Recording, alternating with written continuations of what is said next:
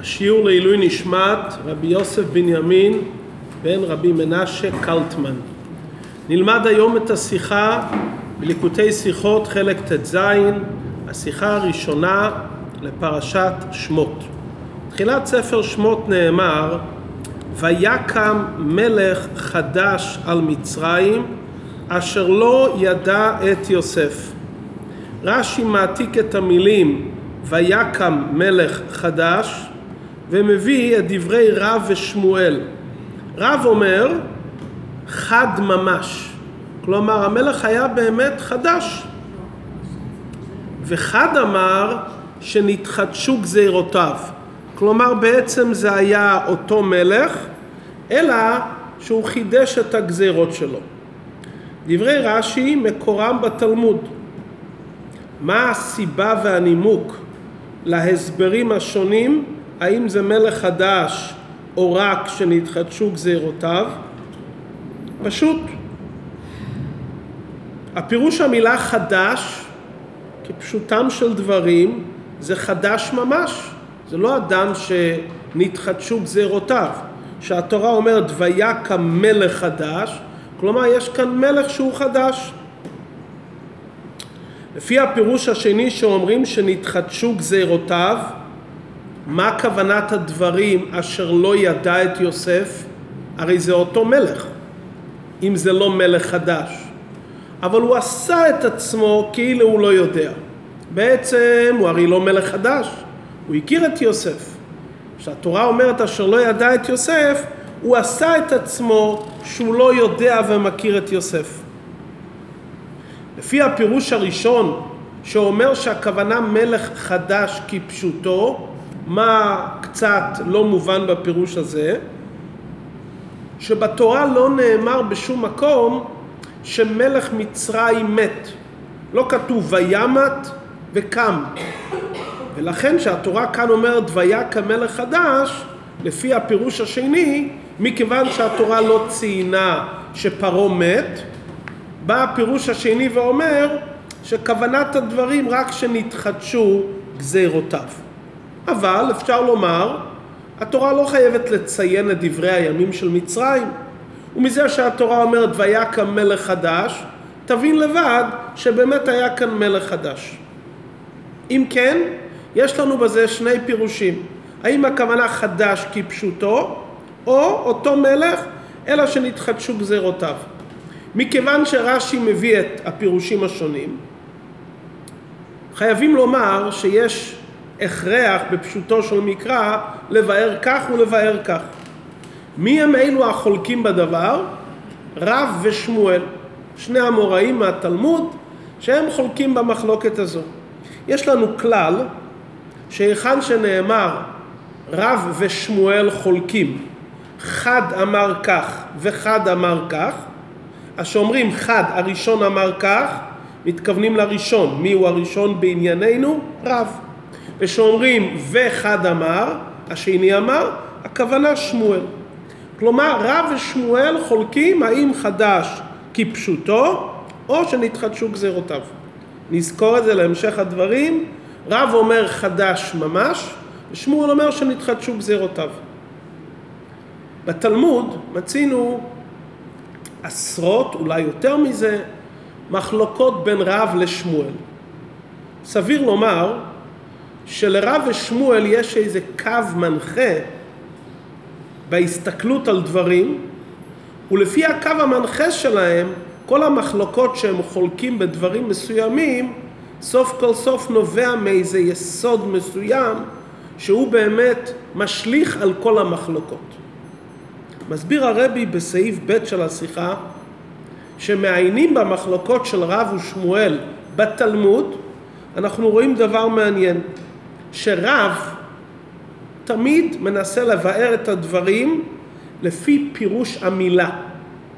למרות שלעיתים התוכן לא מסתדר, אבל הוא נצמד למילה או למילים ולפי זה הוא מסביר את הדברים. שמואל לאידך בעיקר מסביר את הדברים לפי תוכן העניין, ולאו דווקא שהוא נצמד למילה ולפירוש המילה המילולי. למרות שלעיתים לפי שמואל הפירוש הפשוט של המילה לא כל כך מתיישב, אבל שמואל מעדיף לבאר לפי תוכן העניין ולא לפי הפירוש המילולי של התיבה. לפי זה אנחנו נראה עכשיו כמה מחלוקות בתלמוד בין רב לשמואל, שרב נוקט לפי הפירוש המילולי ושמואל נוקט לפי תוכן העניין. בואו נביא דוגמה. למדנו בנוגע ליוסף הצדיק בפרשת וישב, נאמר בתורה, ויבוא הביתה לעשות מלאכתו. רב ושמואל. רב אומר לעשות מלאכתו ממש. וחד אמר, שמואל אומר, לעשות צרכיו נכנס. לפי הפירוש של רב מובן היטב, בתורה כתוב מלאכתו. מלאכתו הוא בא לעשות את המלאכה בבית. לפי שמואל, הוא מסתכל על כללות הפסוק, בפסוק כתוב ואין איש מאנשי הבית שם בבית. מה זה נוגע לומר ואין איש מאנשי הבית שם בבית?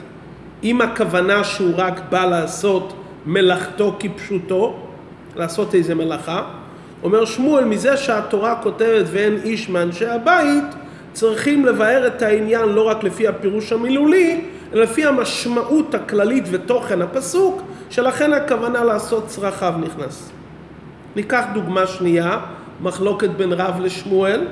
כתוב במגילת אסתר על הפסוק ויהי בימי אחשורוש הוא אחשורוש שמלך מהודו ועד כוש שבע ועשרים ומאה מדינה. גם כאן ישנה מחלוקת מעניינת בין רב ושמואל. רב אומר, הודו בסוף העולם, וכוש בסוף העולם. שמואל אומר, חד אומר, הודו וכוש הם אחד ליד השני. כשם שמלך על הודו וכוש, כך מלך מסוף העולם ועד סופו. רב הולך לפי הפירוש הפשוט, שקשוב מהודו ועד כוש. הפסוק, הפסוק רוצה לומר לנו, תדע, היה כאן מרחק בשטח, אחשוורוש מלך מקצה אחד של העולם מהודו ועד כוש. שמואל לא מקבל את הדברים. הוא אומר, רגע, כתוב הרי בפירוש שהוא מלך על שבע ועשרים ומאה מדינה. אז אנחנו כבר יודעים שהוא מלך על כל העולם, אז מה הפסוק צריך להגיד לי מהודו ועד כוש? הרי הוא בין כך מלך על כל העולם כולו. אומר שמואל, כוונת הדברים לא כפשוטם. כוונת הדברים לומר, כשם שהודו וכוש היו קרובים, והוא מלך שמה בתוקף, ככה כל העולם שהיה רחוק ממנו, הוא גם מלך בתוקף על כל העולם. אז עוד פעם שמואל מנמק ויורד יותר לתוכן הכללי, ולכן הוא אומר כוונת הדברים לא שהודו וכוש קרובים, אלא כוונת הדברים להדגיש את גודל ותוקף מלכותו, שהוא מלך על כל העולם כמו שהוא מלך על הודו ועד כוש למרות שהם היו קרובים, ונכון היו קרובים, אבל שם הוא מלך בתוקף, ככה הוא מלך על כל העולם. מחלוקת שלישית שאנחנו רואים בין רב ושמואל, שתמשיך להראות לנו את אותו קו מנחה, האם מסתכלים על המילה או על התוכן. מסופר בפרשת לך לך, ויהי בימי אמרפל, מלחמת המלכים. גם כאן יש מחלוקת בין רב ושמואל. מי הוא אמרפל? רב אומר, נמרוד שמו. ולמה נקרא שמו אמרפל? שאמר והפיל אברהם אבינו בתוך כבשן האש. השם שלו המקורי זה נמרוד. כאן מכנים אותו אמרפל כי הוא הפיל, פל מלשון הפיל את אברהם לכבשן האש. וחד אמר, שמואל אומר, אמרפל שמו. ולמה נקרא שמו נמרוד? שהמריד את כל העולם כולו עליו במלכותו. איך אנחנו רואים כאן את אותו כיוון חשיבה, אם זה המילה או התוכן? הפסוק אומר לפני זה, וכוש ילד את נמרוד. נמרוד, כמו כל השמות באותם זמנים, לא צריכים לחפש הסברים. אנשים קראו להם בשם. פתאום התורה אומרת ויהי בימי אמרפל. אנחנו יודעים שמדובר על נמרוד, כי נמרוד היה המלך באותו תקופה. פתאום התורה מכנה את נמרוד בשם אחר. בהכרח לומר ששינוי השם בגלל טעם מיוחד שמרומז בשם השונה. תסתכל על המילה אמרפל, מה המילה אומרת, מלשון אמר להפיל. אז אני מסתכל על המילה, אמרפל אמר להפיל, זה דברי רב. שמואל אומר, בואו נסתכל על תוכן הכתובים. כתוב וכוש ילד את נמרוד. והתורה אומרת שהוא היה מורד בהשם. הוא החל להיות גיבור בארץ, ולכן אמרו כנמרוד גיבור ציד. אז אנחנו כבר יודעים מדוע נמרוד נקרא נמרוד. כאן שהתורה אומרת ויהי בימי אמרפל, התורה רוצה להסביר מה השם שלו המקורי. כלומר, השם שלו המקורי זה אמרפל. שמה שהתורה מכנה אותו בשם נמרוד, זה על שם המהפך שהוא עשה בעולם. באמת מה השם שלו אמרפל? ושם שהתורה אומרת נמרוד, התורה הסבירה למה נמרוד, כי הוא עשה מהפכה בעולם. כלומר, שמואל אומר, למרות שהמילה אומרת כאן אמרפל, נכון, זה השם שלו המקורי אמרפל. כלומר, הם חולקים מה השם ומה הכינוי. לדעת רב, שמו נמרוד ואמרפל זה כינוי, לדעת שמואל, שמו אמרפל. אבל התוכן, מה הוא עשה בחיים, הוא המריד את העולם נגד השם. מחלוקת נוספת, בעניין מערת המכפלה. מדוע נקרא שמה מערה, מערת המכפלה? רב ושמואל. רב אומר, למה זה נקרא מכפלה? שני בתים זה לפנים מזה, בית ובית בפנים. אחד אמר, שמואל אומר, בית ועלייה על גביו. לא כפול בזוגות אלא קומות. גם כאן זה לפי השיטה שלהם. אם אנחנו לוקחים את המילה מכפלה, מכפלה הכוונה לומר מערה אחת שכוללת בתוכה כפילות, כפולה בזוגות, כפול, מערה שיש פה מקום לכפול אנשים, מערת המכפלה. בכלל זה מאוד דוחק להגיד מערה על גבי מערה, פשוט מערה ככה. זו דברי רב, פשוט מקום שיש פה לכפול אנשים. אבל שמואל מסתכל על המשך ותוכן הכתובים, אומר מה הכוונה כאן בית לפנים בבית? מצד המשך ותוכן הכתובים קשה לפרש שיש פה מערת המכפלה. מדוע? אברהם אבינו בא לעפרון ולאנשי חטא, בני חטא, והוא אומר להם ככה, אם יש את נפשכם לקבור את מיתי, הוא בא לקבור מישהו אחד. והוא אומר להם, תרחמו עליי, יש לי מת שלי, תנו לי מערת המכפלה. להגיד שאברהם אבינו עכשיו מתכנן מקום לעוד שמונה אנשים? מה פתאום? הוא כרגע נמצא ברגע של צער, הוא אומר, אני צריך עזרה לקבור את מיתי. אז הוא לא מתכוון עכשיו פה לאיזה תוכנית לזוגות, הוא מדבר לקבור את מיתי. למה נקרא שמה מכפלה? לא בגלל שיש כאן מקום לשמונה קברים, מכיוון שפשוט המקום היה מקום כפול, פשוט המערה הזאת הייתה מערה כפולה.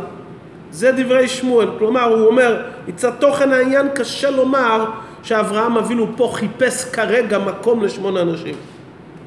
לפי זה, לפי איך שהסברנו עד עכשיו, היה אפשר לחזור בחזרה לענייננו, לויקם מלך חדש על מצרים.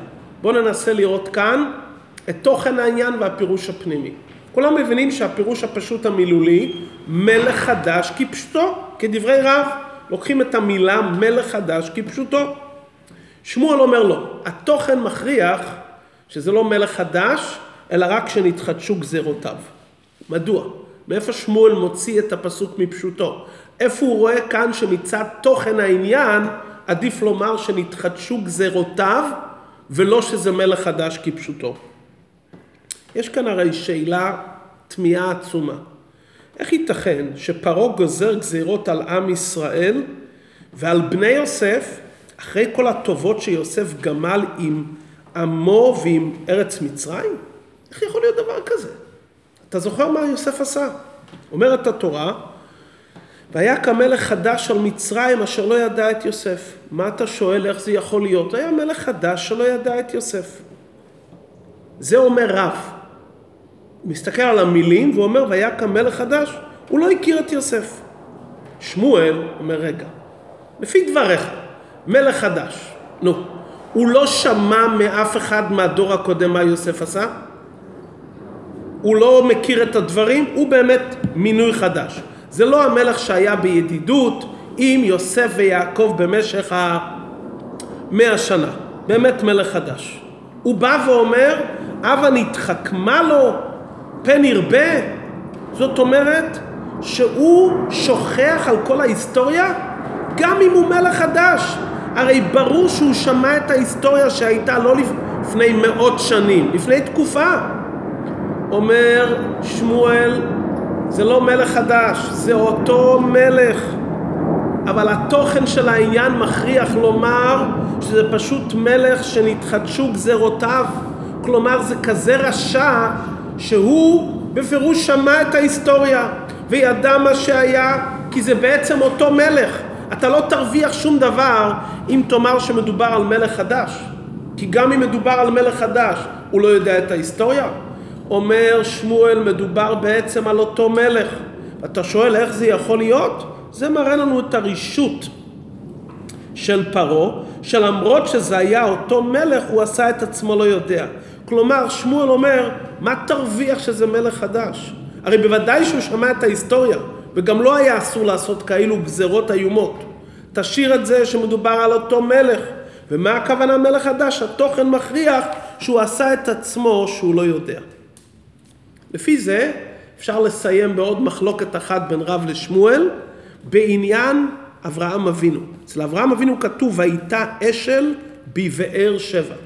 גם כאן יש מחלוקת בין גרסה שאומרת רב ושמואל. רב אומר מה זה אשל? פרדס להביא ממנו פירות לאורחים בסעודה.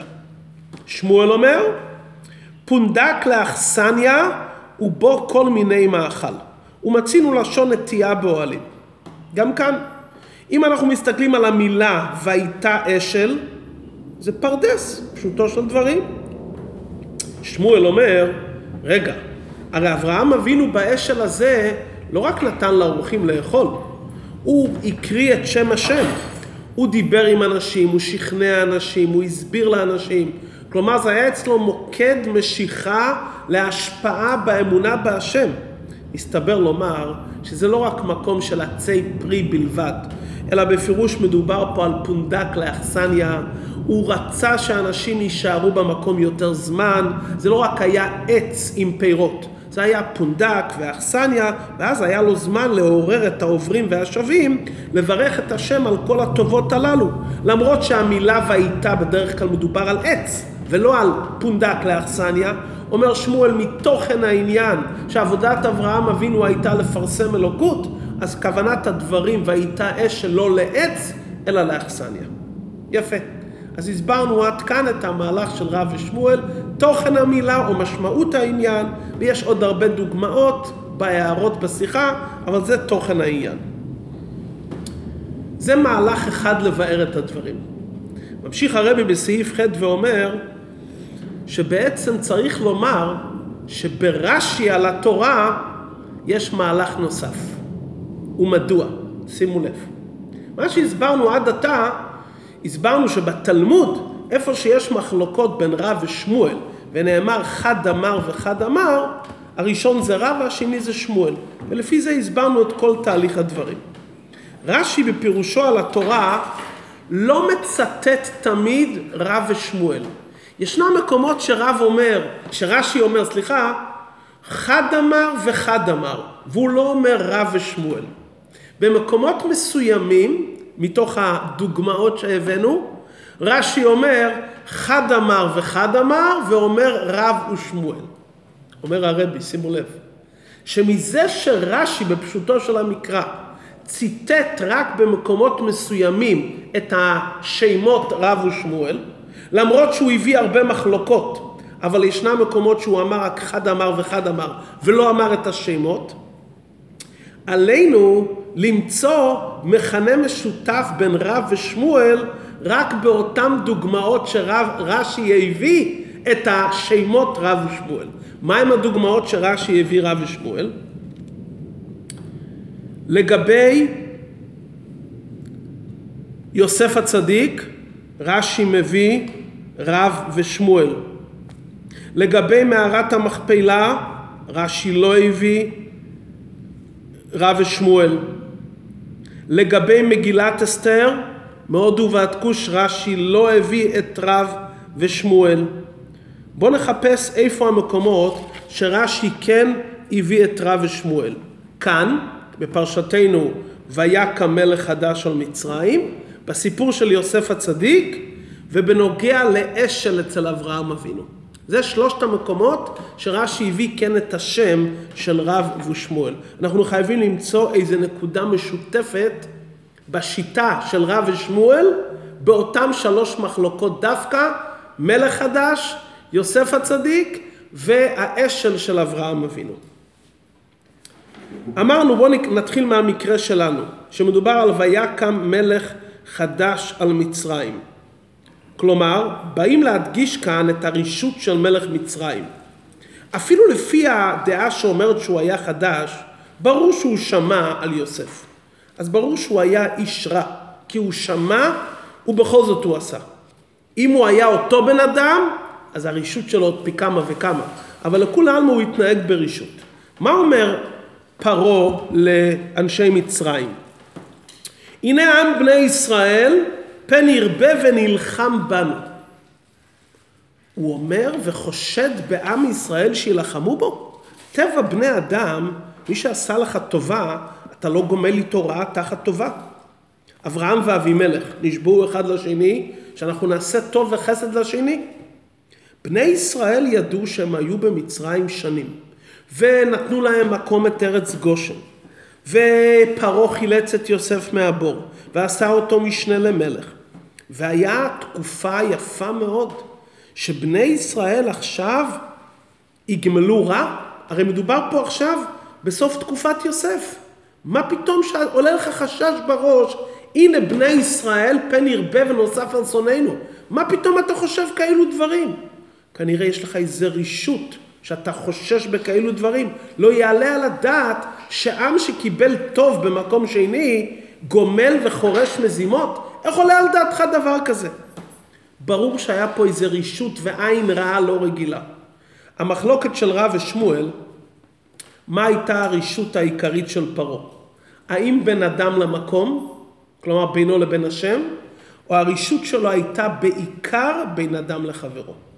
ברור שהיה פה גם פן אלוקי וגם פן אנושי, אבל מה היה החלק העיקרי? איך זה מתחבר עם רב ושמואל? יש לנו כלל בתלמוד. הלכתה כרב באיסורי וכשמואל בממונה. רב ושמואל חלקו בהרבה מקומות, כפי מי ההלכה. אם מדובר בעניינים של איסור והיתר, כלומר עניינים רוחניים, כשרות וכדומה, שצריכים לאסור או להתיר דברים, ההלכה היא כמו רב, כי רב היה מתמצא מאוד בעניינים של בן אדם, של איסורים, ורב היה מדקדק מאוד בעניין של איסור והיתר.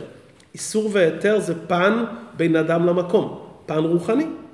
שמואל היה בטבעו דיין ורב שמפשר בעיקר בין אנשים בממונה, הוא היה בסכסוכים בענייני ממון, הוא היה מומחה. ולכן ההלכה אומרת שיש מחלוקות, אם יש מחלוקת בדיני איסור פוסקים כרב, ואם מחלוקת בדיני ממונות ההלכה היא כשמואל.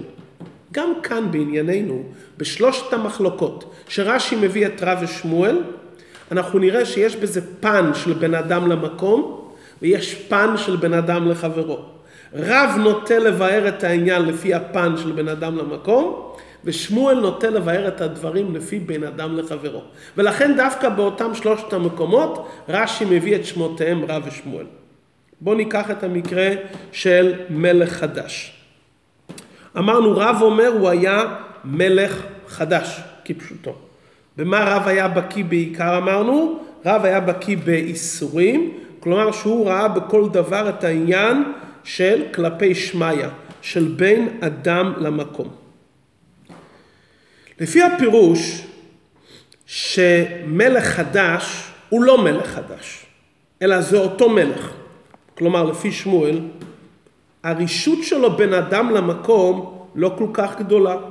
הוא יוכל לומר ככה, יעקב אבינו חלק לי כבוד בתור מלך, הוא התייחס אליי כמלך, הוא קיבל את השליטה שלי, זאת אומרת שאני המלך. אם אני המלך, יש לי רשות לשלוט כפי רצוני. אני מנהל את המדינה איך שאני מבין. אם מסתכלים על הפן של הבן אדם לחברו, בשייכות לעם ישראל, ובפרט לבני יוסף, אז מה אם אתה מלך? אז מה אם כיבדו אותך בתור מלך? הרי אתה אותו המלך שיוסף עשה איתך טוב וחסד. אז הרישות שלו הוא בן אדם לחברו במידה הרבה יותר חזקה. לפי הפירוש שאומרים שהוא היה מלך חדש חדש ממש, אז הוא אומר, תשמע, אני יעקב אבינו לא חלק לי כבוד, ועם ישראל לא קיבלו את השליטה שלי, ולכן לא היה בידו שום אמתלה כלפי שמיא להצדיק את הגזירות שלו על בני ישראל. מה שאין כן כלפי בני ישראל, הרישות שלו כל כך גדולה. הוא היה מלך חדש שהוא לא קיבל טובות מיוסף. אז אם זה מלך חדש שלא קיבל את הטובות מיוסף, אז מה העיקר הבעיה שלו? שהוא לא מאמין שיש אלוקים. טוב, אתה צודק, אתה מלך חדש, אתה לא מכיר אותם. אז בן אדם לחברו אתה עם מצפון רגוע. אבל הרי יש בעל הבית בעולם, איך אתה גוזר כאלו גזירות? אם אתה אומר שהוא אפילו לא היה אותו מלך, שהוא היה, סליחה, שהוא היה אותו מלך ורק נתחדשו גזירותיו, אז זה בן אדם לחברו, זה נבזות איומה. אתה מכיר את האנשים, ואתה מכיר את האנשים ומתנהג עליהם ככה? זאת אומרת שיש לך רוע של בן אדם לחברו. אם אתה אומר שהוא היה מלך חדש, אתה לא יכול לומר שבן אדם לחברו הוא היה כזה הרסני. לא, אני לא מכיר אותם משום מקום, הם לא מכירים אותי, אני מלך חדש, אני גוזר גזירות. מה הבעיה, הרשות שלו כלפי שמיא? אז רב שעניינו איסורים, שהוא טוען העיקר זה עניין של בן אדם למקום, הוא מעדיף לומר מלך חדש, ואז הרוע שלו זה כלפי שמיא. ושמואל שמעדיף לומר את העניין של בן אדם לחברו, אומר לו זה אותו מלך ונתחדשו גזירותיו, זאת אומרת הוא היה אכזרי בבן אדם לחברו. על דרך זה המחלוקת בנוגע ליוסף הצדיק, שיוסף הצדיק היה ממונה בבית. אם נגיד שהכוונה, אמרנו שיש פה שני דעות, האם זה הכוונה לומר שהוא היה מלאכתו ממש, או מלאכתו לעשות צרכיו. לפי שמואל, לפי רב, סליחה, שהעיקר זה בן אדם למקום, אז הבעיה שמלאכתו ממש ברור שלא היה פה עניין בלתי רצוי, הוא בא פשוט לעשות מלאכתו ממש. לפי שמואל שעיקר העניין זה להדגיש את צד הממוני, אז ואין איש מאנשי הבית כוונת הדברים לומר שלא היה לו כרגע עבודה עם מישהו אחר, הוא היה ממונה על הבית. ואין איש מאנשי הבית, לא היה כאן פגיעה בניהול שלו היומיומי של הבית, כי הוא היה פנוי ממלאכה, כלומר לא היה כאן פגיעה בעניין של בן אדם לחברו. אותו דבר במחלוקת של אשל, האם הכוונה לומר פונדק לאכסניה או לפירות? אם אתה אומר פונדק לאכסניה, אז זה טובה יותר לבן אדם לחברו. אם אתה אומר שזה רק עץ, אז הוא יותר בן אדם למקום, כמו שקין הביא מפרי האדמה, אז גם הוא נטע פה רק עץ, כביכול משהו. זה לא היה פה קו של בן אדם לחברו, אכסניה. שמואל שמעדיף את הנקודה של בן אדם לחברו, אומר אין הכוונה לומר רק עץ. כי מצד העניין של הכנסת אורחים מבן אדם לחברו, הוא רצה לעשות את הכל בהרחבה גדולה, ולכן היה פה לא רק אשל, עץ, אלא אכסניה. אומר הרבי, מה ההוראה וזה העיקר. יש כאלו טוענים שאחות לנו בבית המלך. יש לנו ידיד ותיק או ידיד חדש, אם הוא גוזר חס ושלום גזירה, בני ישראל לא צריכים להיבהל. מה גם שהרי אנחנו עבדים לפרעה לבנות את פתאום ורעמסס. ואנחנו חיים במצרים במיטב הארץ, אנחנו צריכים לוותר ולהיכנע. צריכים לדעת שאין הבדל אם מדובר מלך חדש או מלך ותיק. באיזה סגנון הוא מדבר זה לא משנה. אם הוא מלך במצרים, שמצרים הכוונה לומר מי שמיצר לישראל בענייני יהדות, אז שהוא אומר הבה נתחכמה לו זה היצר הרע, וחסד לאומים חטאת. צריכים המילדות העבריות לעמוד ולהילחם נגד גזירת פרעה כל הבן הילות היורה תשליכו. מה המשמעות של הגזירה? להשליך את עם ישראל לעבודה זרה של מצרים, להשליך אותם למשרה של ממון, להטביע אותם, לא רק את הגוף, גם את הנשמה היהודית וכל הבת החיון, להכניס אותם לאווירה של מצרים. המילדות העבריות עמדו נגד הגזירה ועשו את כל הדרוש שייוולדו ילדים יהודים ויקבלו את החינוך היהודי.